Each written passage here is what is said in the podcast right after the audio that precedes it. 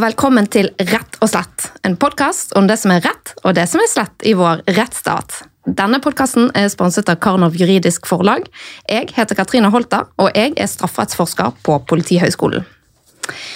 Nå er jeg veldig klar for å komme i gang igjen med podkastinnspilling etter det som har vært en lang sommerferie. Jeg har planlagt eh, ganske mye spennende for høsten, så her er det bare til å følge med fremover.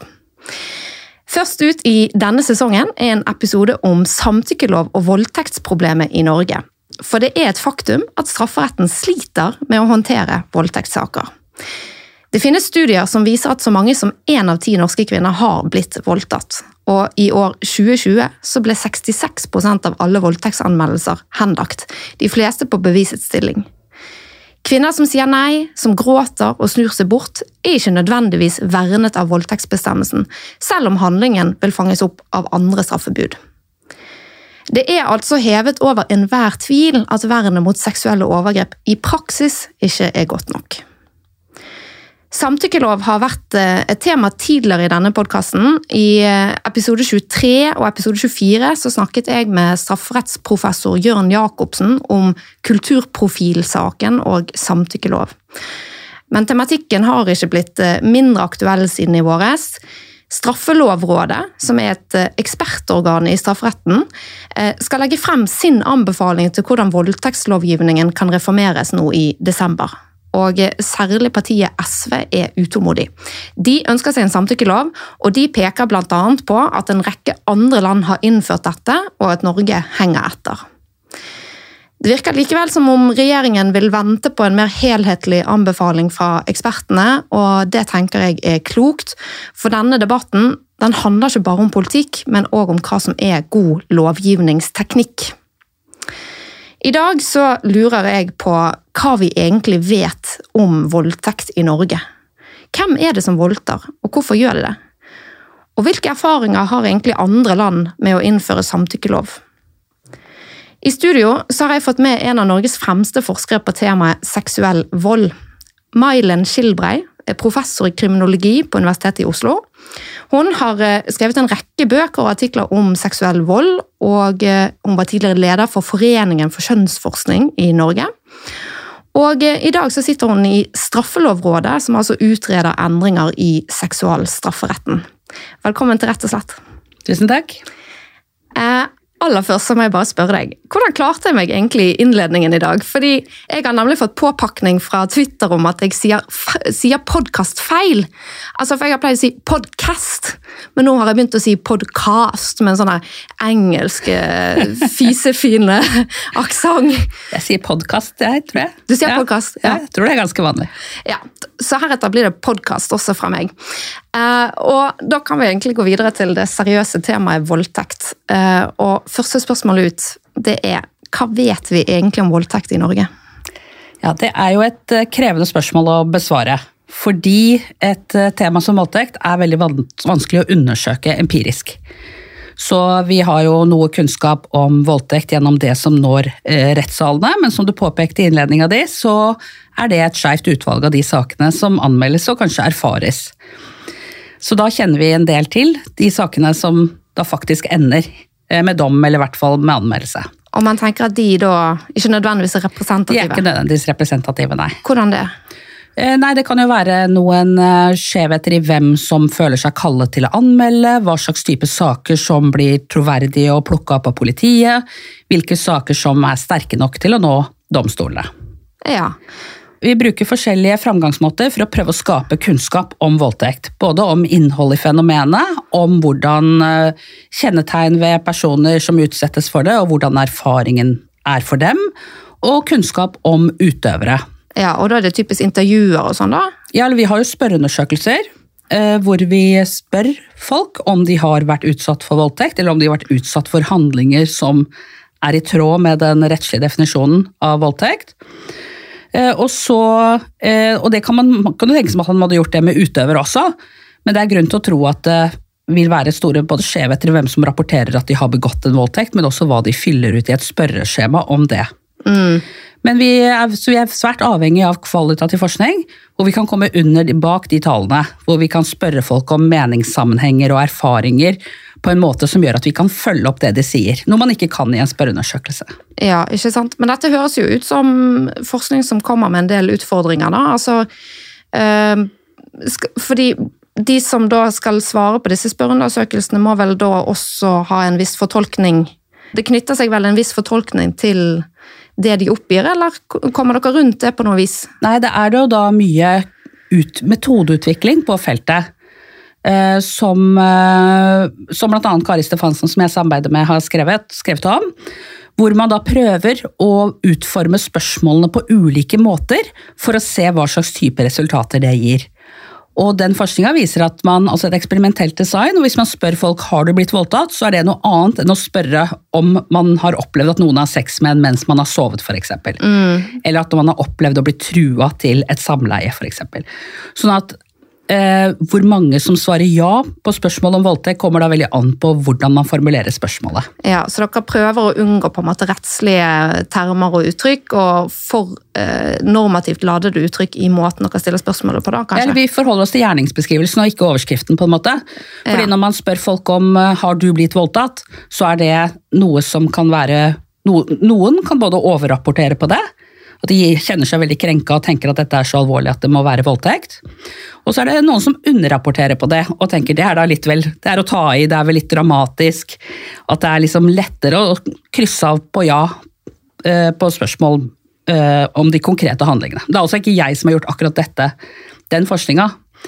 Eh, men så, sånn, at, sånn holder man på da, for å prøve å skaffe en oversikt over omfanget voldtekt, men også kjennetegn ved personer som har vært utsatt for voldtekt, og hva slags type situasjoner, kjennetegn ved utøverne osv. Men det vil alltid være store måte, vil alltid være en stor usikkerhet ved den type forskning.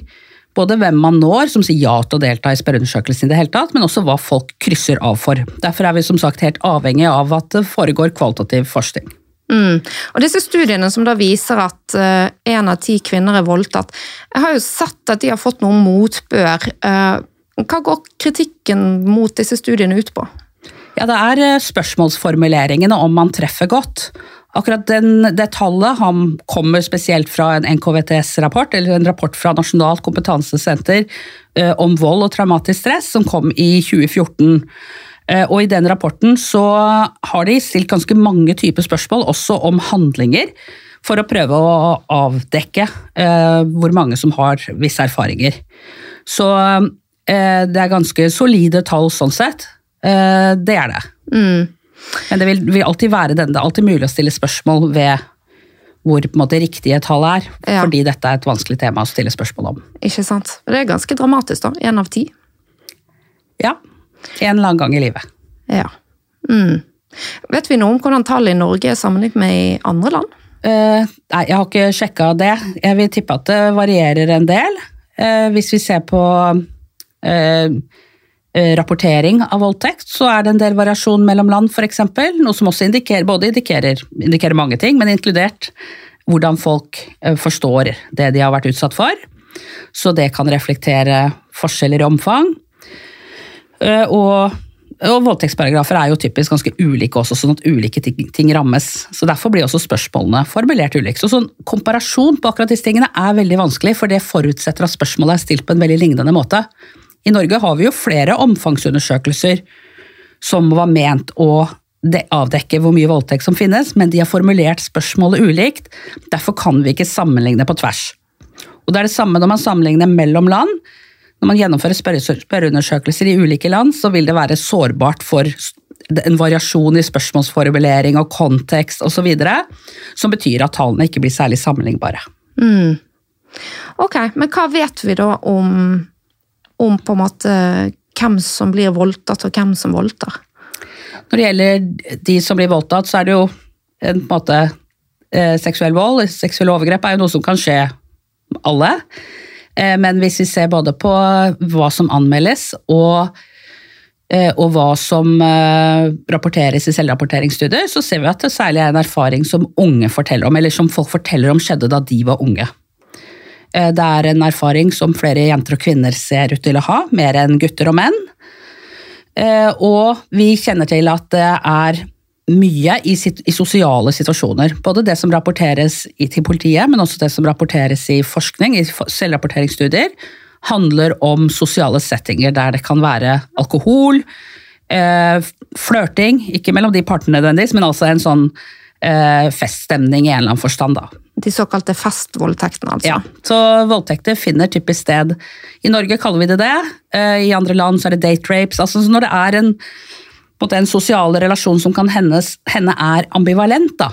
At, mm. at det er en uh, ambivalens i det, og at det er eh, en, en arena for overskridelse i en eller annen forstand, så kan det være på en, måte, en faktor som påvirker sannsynligheten. Mm. Og så dette begrepet gråsonesex. Mm.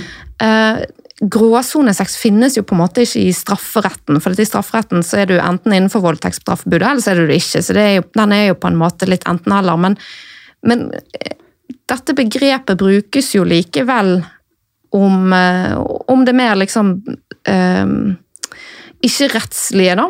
Mm. Hva betyr det? Så etisk og sosialt så det, kan det være treffende å prate om et sånt felt mellom det som helt klart er voldtekt og det som helt klart ikke er voldtekt. Altså det utydelige, grumsete, eh, som kan være vanskelig å av, avgjøre. Både om noe galt har skjedd, men også om det i så fall var om en opplevd krenkelse var noen skyld. Det kan jo oppstå kjipe situasjoner. Det kan skje eh, Det på en måte kan være oppstå vanskelige erfaringer, erfaringer det er vanskelig å leve med, selv om ikke nødvendigvis noen har gjort noe strafferettslig straffeverdig.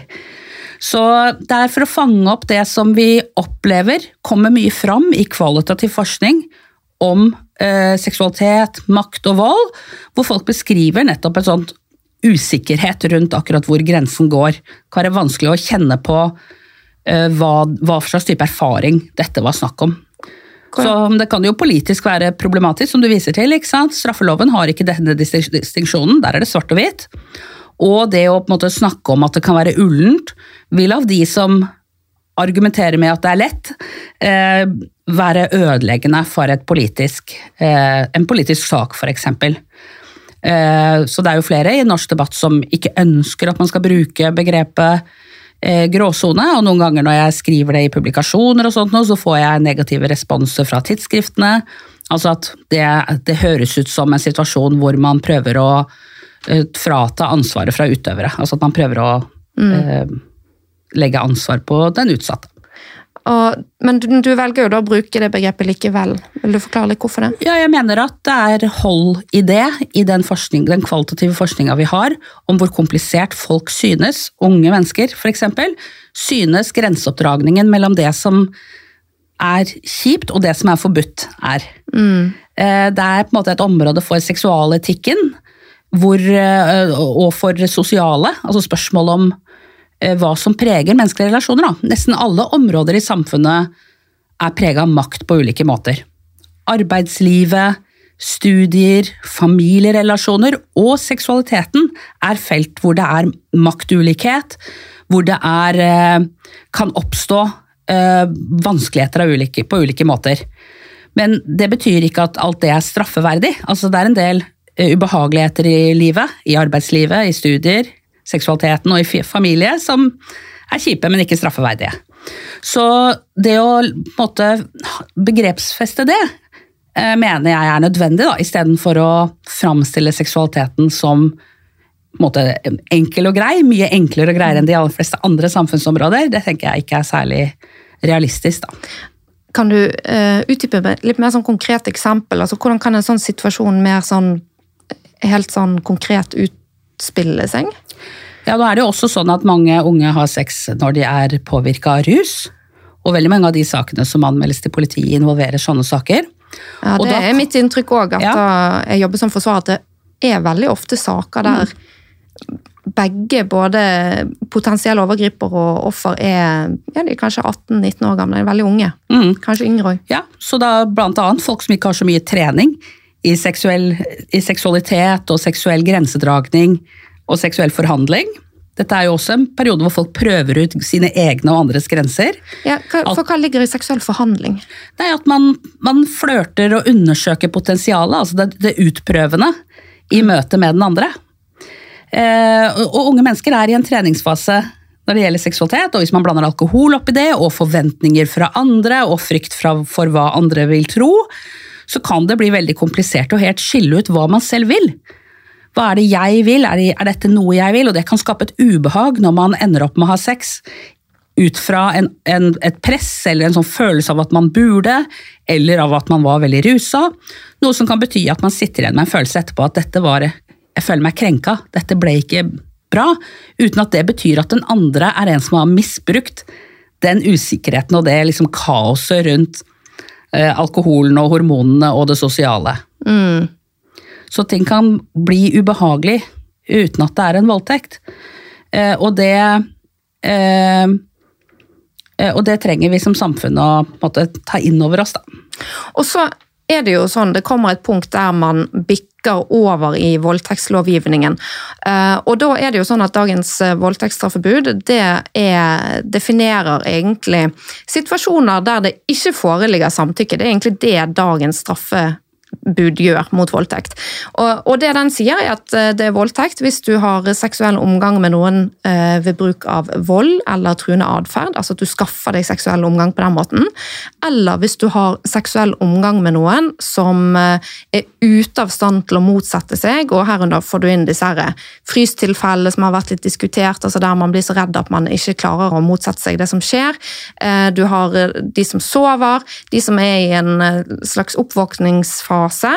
Og så har du disse overraskelsestilfellene. Hva tenker du om de? Altså, hvordan skal vi um, plassere de i det, dette bildet? Ja, eller når noen ikke har hatt en anledning til å gi uttrykk for å verne sin egen seksuelle selvbestemmelsesrett, så regner vi det som voldtekt. Og det var, har vært en viktig utvikling av voldtektsparagrafen, og ikke bare dekke tilfeller som er vold eller trusler av ulike slag. Så det er et uttrykk for hvor viktig den seksuelle selvbestemmelsen, altså ikke bare måte, trusselen om vold og på en måte krenkelse av den fysiske integriteten. I dag er det norske samfunnet veldig opptatt av den seksuelle selvbestemmelsesretten og, og inkluderinga av det som noen ganger litt skjevete kalles for sovevoldtekter, er på en måte en, eh, en, en refleksjon av det.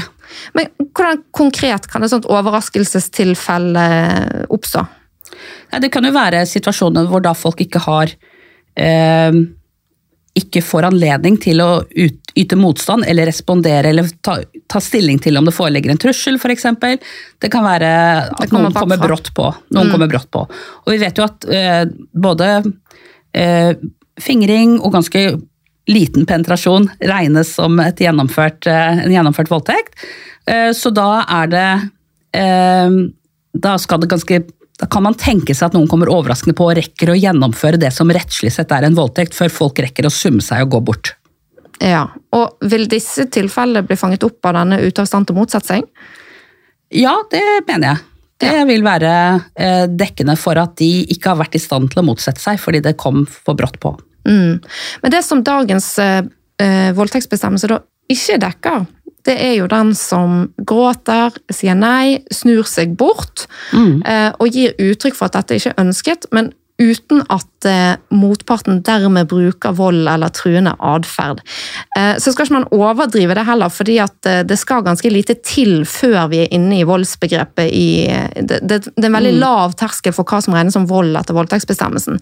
Sånn at det å bruke på en måte fysisk makt, spre beina litt sånn eh, intenst, eller eh, rive av en, eh, en treningsbukse, som Jørn Jacobsen skriver om i sin mm. bok om voldtektsstraffebudet, det kan være nok for at vi er inne i voldtektsbestemmelsen.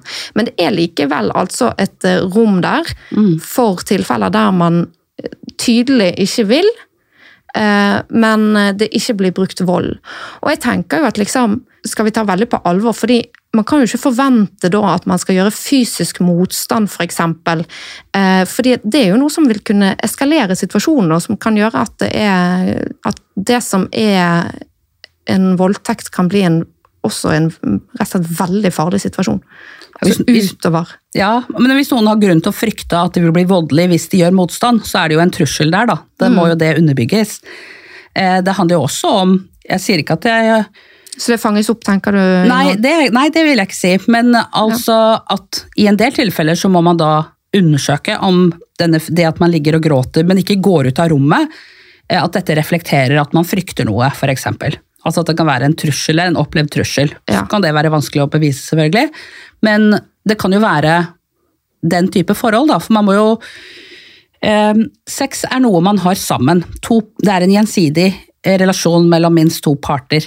Eh, begge har et ansvar for å gi uttrykk for hva man vil. Eh, og, eh, og i det så må jo man da spørre seg hvis noen gråter eller vender seg bort eller ikke går, så kan man også forstå at den andre parten ikke helt forstår at det er et, et uttrykk for motvilje. Hvis man, det er vanskelig å kle av et menneske som ikke vil bli kledd av, f.eks. Hvis man samarbeider i det, så er det jo også forståelig om den andre parten leser det som et samtykke. Sånn at tårer i seg selv eksempel, kan ikke være tilstrekkelig. Du kan ikke kriminalisere det å ligge med noen som gråter. Det må være eh, det må nok, Jeg mener det bør være noe mer kvalifiserende da, før, før, eh, før vi kan sikre på at den andre forstår at det er et uttrykk for voldsom. Ja, fordi at gråting kan skyldes mye Det kan forskjellig. skyldes eh, sorg og glede, og det kan skyldes mange ting. Mm. Jeg skjønner. Nei, og, men eh, det som eh, Jørn Jacobsen har tatt til orde for, og som vi har snakket litt om i denne podkasten tidligere, det er jo at man kunne løst noe av dette her ved å få inn et, et nytt tillegg i dagens voldtektsbestemmelse, som rammer den som har sex med noen som utvetydig motsetter seg handlingen. Hva tenker du om den løsningen? Ja, det er en mulighet. Eh, Og de fleste, liksom, hvis det er snakk om utvetydig motsettelse, så vil de fleste være enig i at det er straffeverdig. Altså at det er innafor det vi som samfunn vil ramme med, med voldtektsstraffebudet. Altså det er eh, klanderverdig å ligge med noen som gir sterkt uttrykk for at de ikke vil. Ja, og så er det viktig også å legge til her da, at de situasjonene er i dag straffbare. Det er ikke sånn at ikke det kan straffes. Nei. Det er straffbare etter en egen paragraf som rammer den som har seksuell handling med noen som ikke samtykker.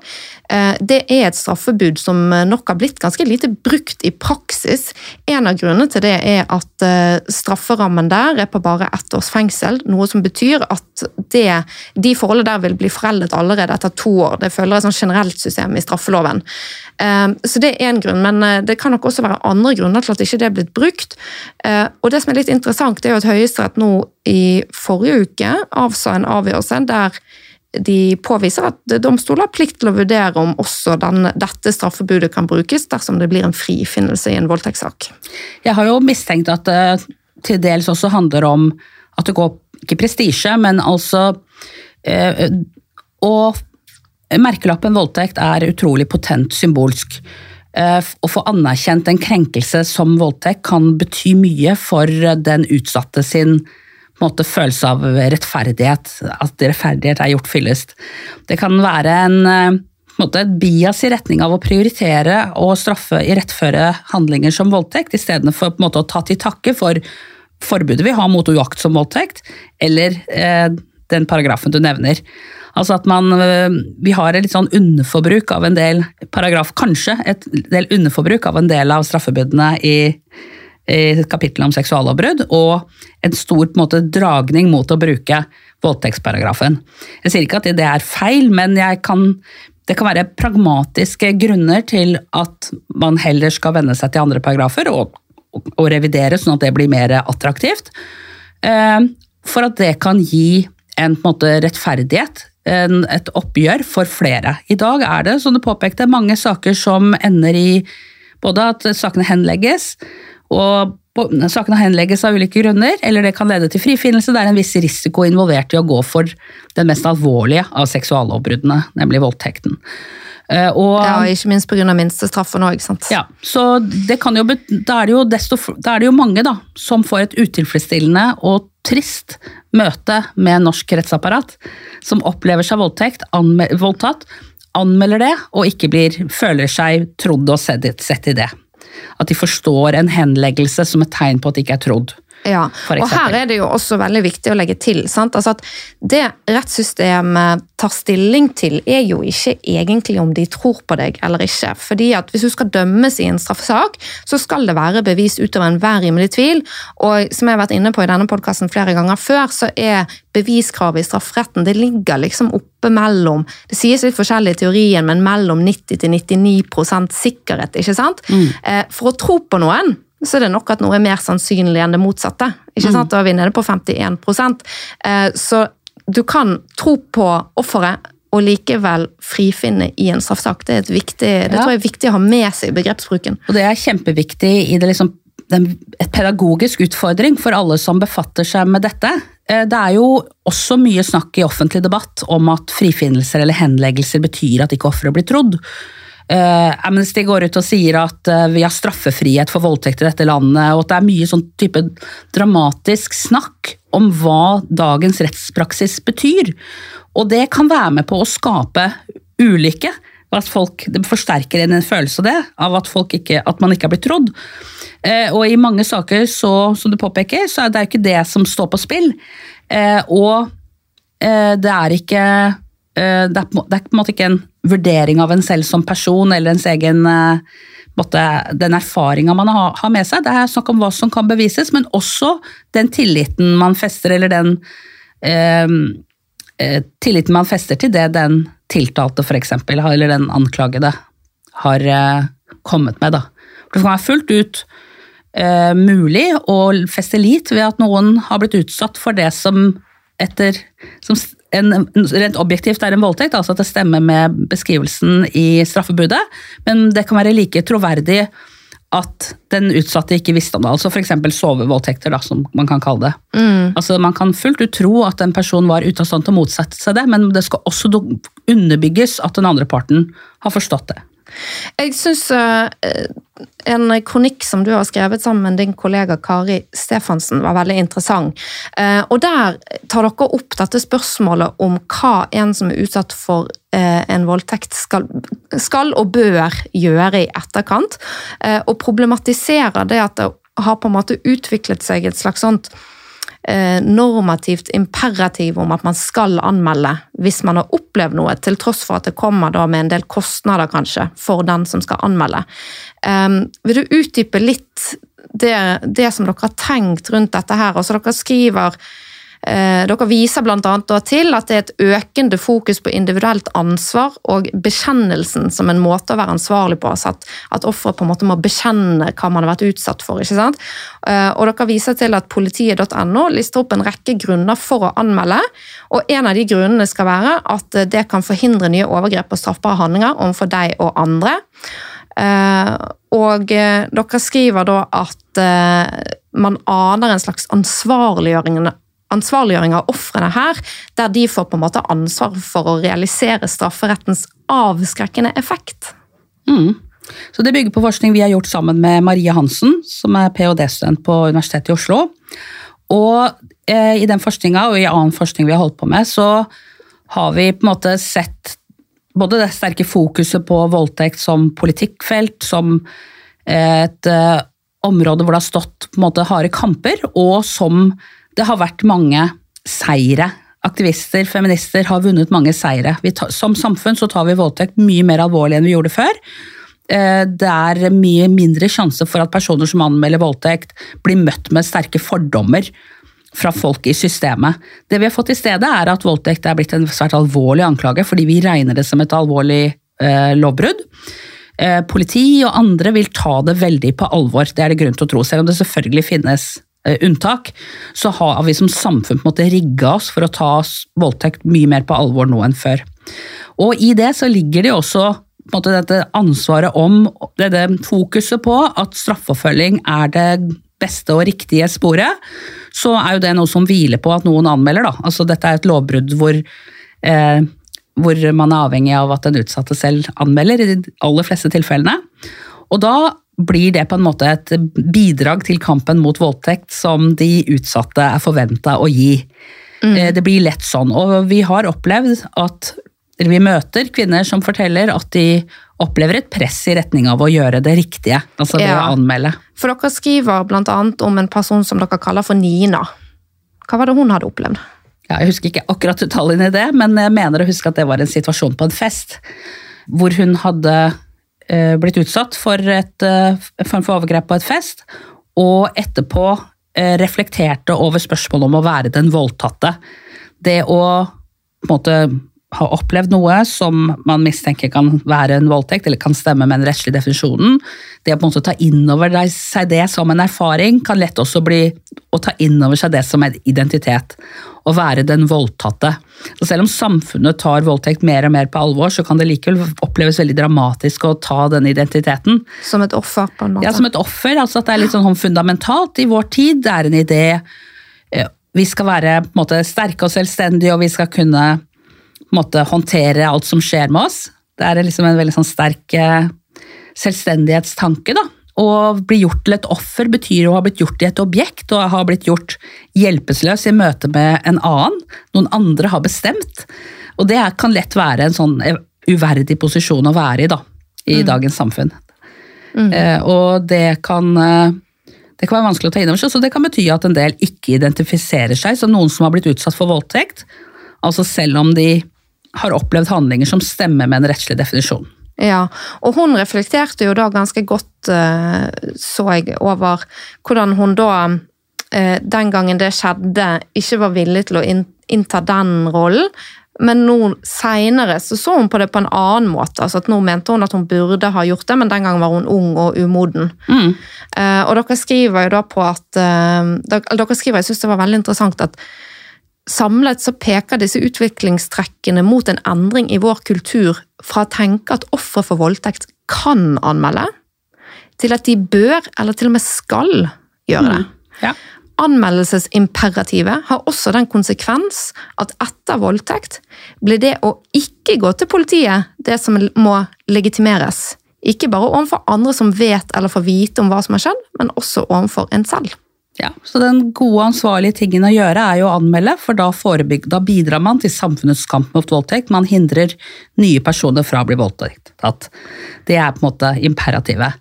Og det å, nekte, det å ikke være med på det, og det som jeg mener å huske Nina tenkte på, var jo seg selv. Altså hva var riktig prosess for henne i den situasjonen rett etter det som skjedde.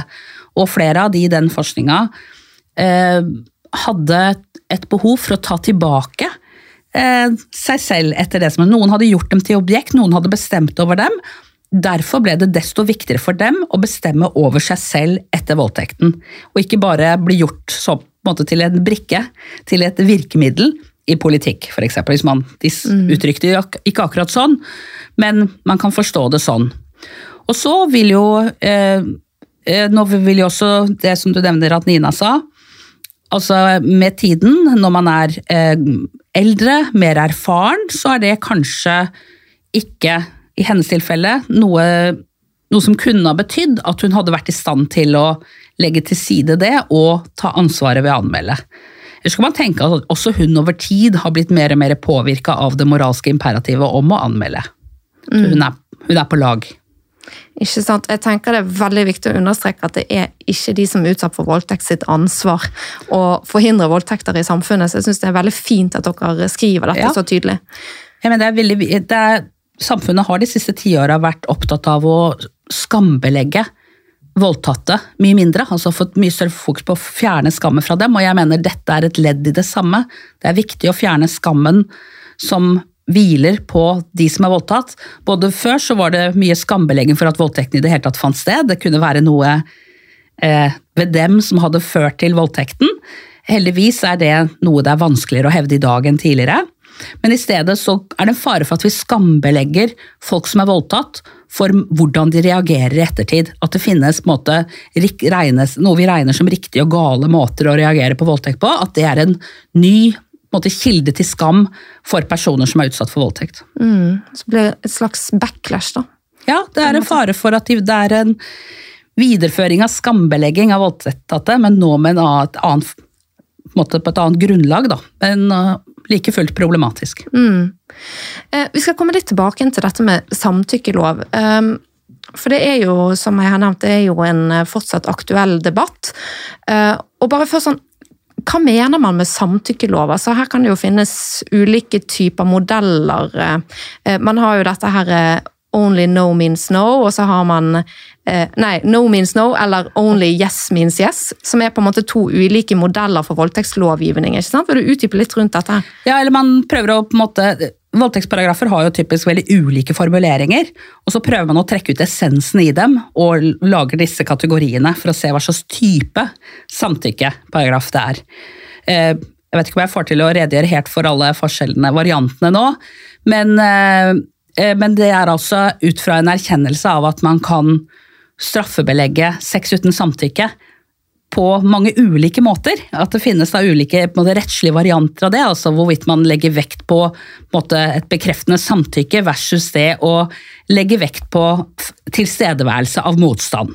Mm. Eh, og så finnes det da ulike varianter av det. Så det er også ganske brede kategorier. da. Det, gjøres på veldig, det finnes jo en del land i verden, verden som har lover som veldig eksplisitt adresserer samtykke, enten med ordet ja eller nei, liksom enten det skal være motstand eller et ja, et samtykke. Uh, og de er typisk veldig ulike hverandre. Mm. Og Det som uh, Jørn Jacobsen har foreslått, sant, som jeg syns uh, er en løsning som jeg har tro på, da, altså den som utvetydig motsetter seg, da får du jo fanget opp, sant, for nå har du de som ikke er i stand til å motsette seg, men du mangler da dette alternativet for de som faktisk motsetter seg. Eh, og den modellen vil jo være en no means no, ikke sant? Mens eh, eh, en del som ønsker seg en samtykkelov i debatten, synes å ønske seg en sånn only yes means yes, som betyr at du skal innhente et aktivt samtykke. Og det vil jo da kunne gjøres på ulike måter, altså, men her er det jo et spørsmål altså hva er et aktivt samtykke? Altså hva gjør du hvis f.eks. Um, igjen for å lene meg på Jørn Jacobsen, da, eh, tar en person som kler av seg alle klærne sine og legger seg på sengen, og så kommer den andre inn i rommet. Er det et aktivt samtykke til sex, eller bare til å bli observert naken, f.eks.? Ja, det, jo, det, er jo mange sånne typer spørsmål som oppstår. Fordi eh, sex er en eh, relasjon, men det er også en prosess. Altså det er mange ulike punkter. Altså hva er det man samtykker til? Man kan samtykke til å, å, å kline og bli tatt på puppene, men det betyr jo ikke at man har samtykka til et samleie, f.eks. Så den eh, eh, I alle Samme hvilken formulering man velger, så kommer man opp i noen sånne typer problemstillinger. Men du har rett i at i debatten så vil det være en del som sier at det bare er det alternativet, det, det aktive eh, samtykket, som gir et akseptabelt vern av den seksuelle autonomien eller av selvbestemmelsesretten. Eh, så er det viktig å huske på at mange av de andre eh, paragrafene, inkludert det nåværende voldtektsstraffebudet, er et forsøk på å operasjonalisere intensjon, operasjonalisere posisjonen at sex uten samtykke skal være forbudt. Mm. Det er på en måte bakgrunnen. Og så prøver man å utforme et straffebud som treffer det man ønsker å treffe, men ikke veldig mye mer. Det er det man prøver på i alle land. Man eksperimenterer med formuleringer for å treffe det som samsvarer med det som man regner som straffeverdig seksuell praksis i samfunnet. Men så vil man samtidig ikke straffe eh, på en måte, Straffelegge det å ha sex med noen som gråter fordi de er glad eller er i sorg, eller f.eks. alle disse andre tingene. Da. Så det å finne en formulering som treffer riktig, er nok mer komplisert enn mange tror. I diskusjoner om potensielle revisjoner framover, så er det jo noen som tar til orde for og det er jo bare å putte ordet samtykke inni der, så har vi løst alt. Men det er både det at eh, det må tenkes til sin ytterste konsekvens. Man må, tenke, ja, man må tenke med mange forskjellige typer saker for å vurdere om det vil, være, om det vil treffe godt. da. Mm. Fordi Det som er problemet litt også med å lage en sånn type voldtektsbestemmelse, der du bare fjerner dagens, og så er det den som skaffer seg seksuell omgang uten samtykke. ikke sant? Det er det mm. mange ønsker seg. Den er jo, altså det er jo, altså Samtykke er jo et veldig komplisert og komplekst begrep, og det er eh, Det vil skyve over ansvaret egentlig for å definere hva en voldtekt er på domstoler, fordi det er et så bredt begrep.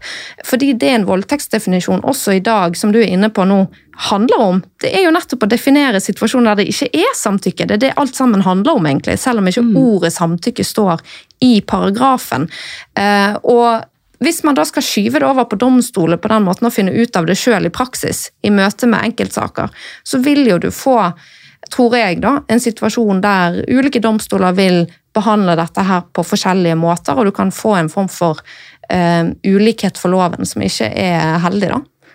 Ja, for dette, ja, det, er, det er en potensiell konsekvens, og det er viktig også å huske på at uh, som vi prata om i stad, seksualitet uh, og unges utprøving av seksualiteten foregår i en kontekst med mye usikkerhet, og det å kommunisere klart er viktig. Altså Det kommunikative aspektet ved lovgivninga er veldig viktig her. Det må være, også sånn rent rettslig har vi prinsipper som skal sørge for at, som, at, man skal vite når man er på innsiden og utsiden av det lovlige. Men også rent som pedagogisk så mener jeg det er veldig viktig at uh, straffebud på akkurat dette området er svært konkrete, sånn at folk kan bruke det som en rettesnor. da. Mm. Og som du sier, ikke sant, samtykke kan Det vil være veldig stor usikkerhet hva det vil kunne medføre, da, hva det vil bety å gi et eh, bekreftende samtykke. Ja, for hva, Hvilke erfaringer har man med det? Altså, har ikke også, for Jeg så du skrev i en kronikk eh, fra, jeg tror det var fra Dagbladet altså at du viste til andre land som har hatt samtykkelovgivning i lengre tid. altså At det ikke bare er et moderne fenomen. Mm. Men kan ikke det at man har samtykke, at det står så åpent og så lite definert i lovteksten, kan ikke det også åpne opp for en form for eh, moralisering i domstolene som kan på en måte ikke være i tråd med ofrenes interesser? Så Det er jo vanskelig å vite, da. Så, men det er klart at det kan føre til det. Så eh, det er eh, fullt mulig, sikkert, å formulere eller eh, veldig mange land prøver å revidere voldtektsparagrafene sine sånn at det treffer mest mulig, som sagt.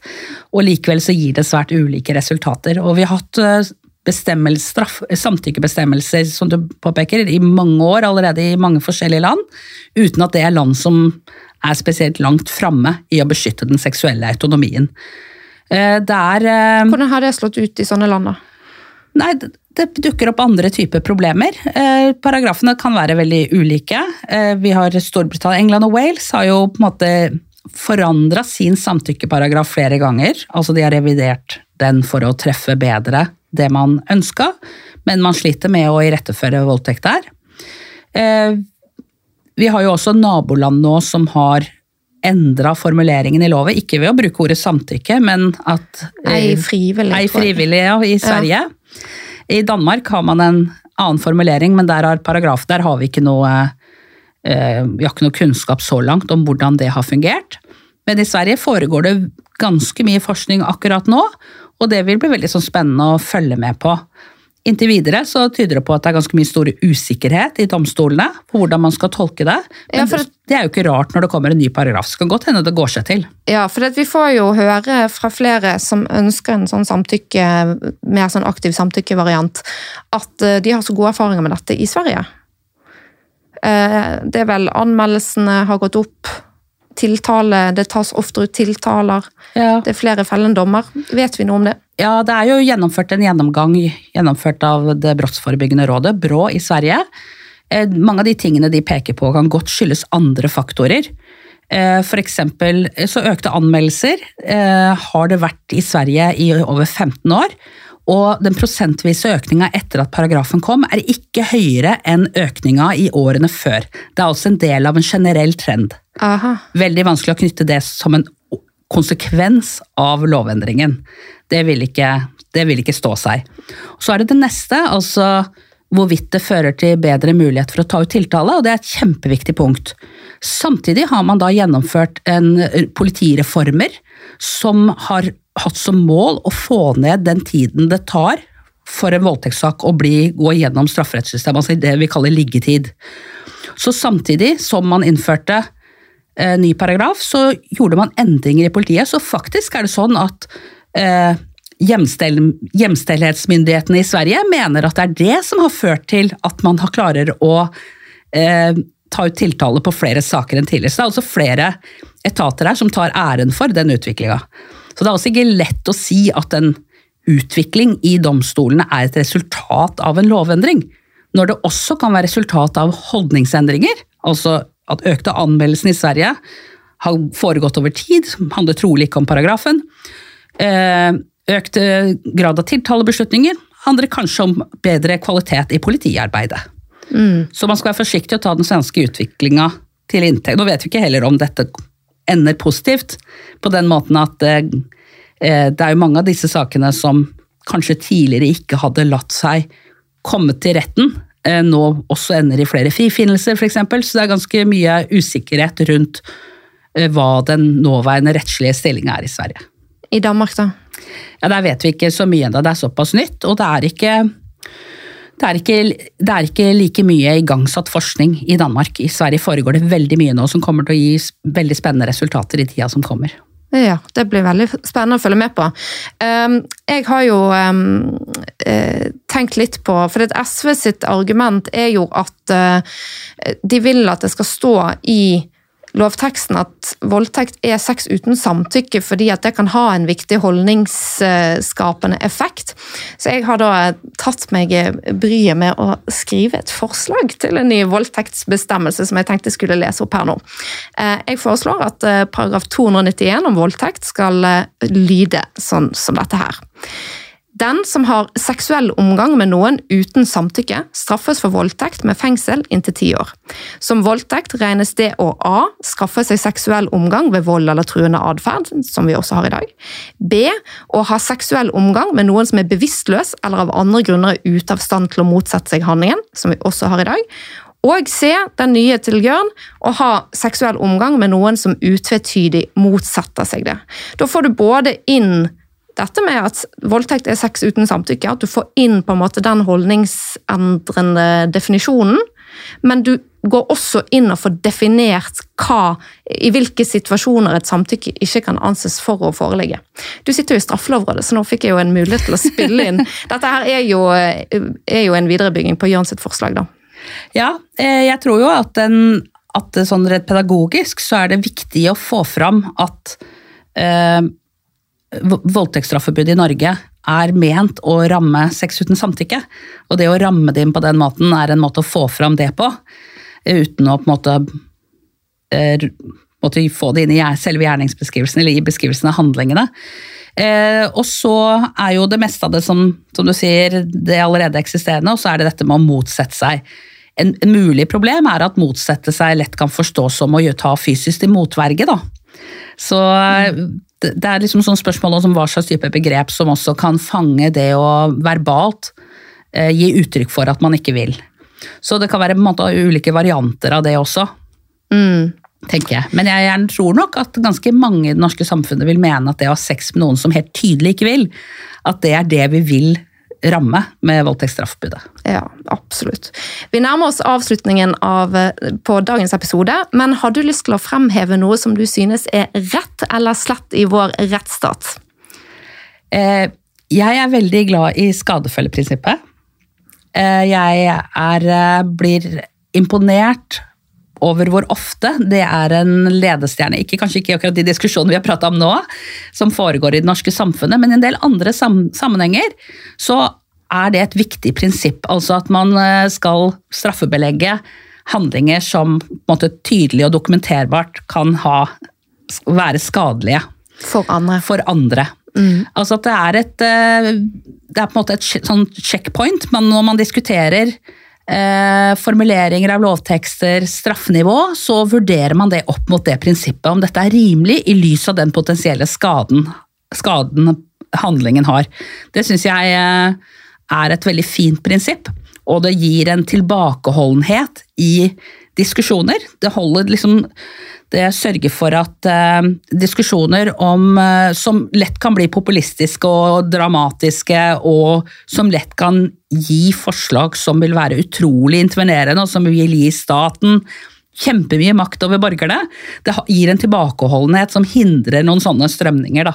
Så jeg tror vi skal være veldig glad for at det er et veldig sånn sterkt prinsipp i den norske strafferetten. det er jeg enig i. Det er jo dette prinsippet som i stor grad òg bidrar til å skille strafferetten som et særegent normsystem fra det som er etikken og moralen. ikke sant? Mm, ja. Så det er kjempeviktig for å sørge for at vi ikke får en moralistisk strafferett, rett og slett. Eh, da er vi ved veis ende. Eh, tidligere i denne podkasten har jeg publisert ukentlige episoder. Jeg tror eh, jeg fremover er nødt til å redusere det litt, for det er veldig mye arbeid med det å lage en podkast. Det som jeg kan love dere, mine lyttere, det er at det kommer en episode annenhver onsdag så har jeg likevel ganske mye på agendaen, så jeg tror det kommer oftere enn det òg. At dere kan regne med at det ofte blir hver uke, men ikke alltid. Så stikk gjerne innom podkasten min ukentlig. Husk å fortelle om denne podkasten til en venn eller til en kollega, så kan jeg nå ut til nye lyttere på gjenhør.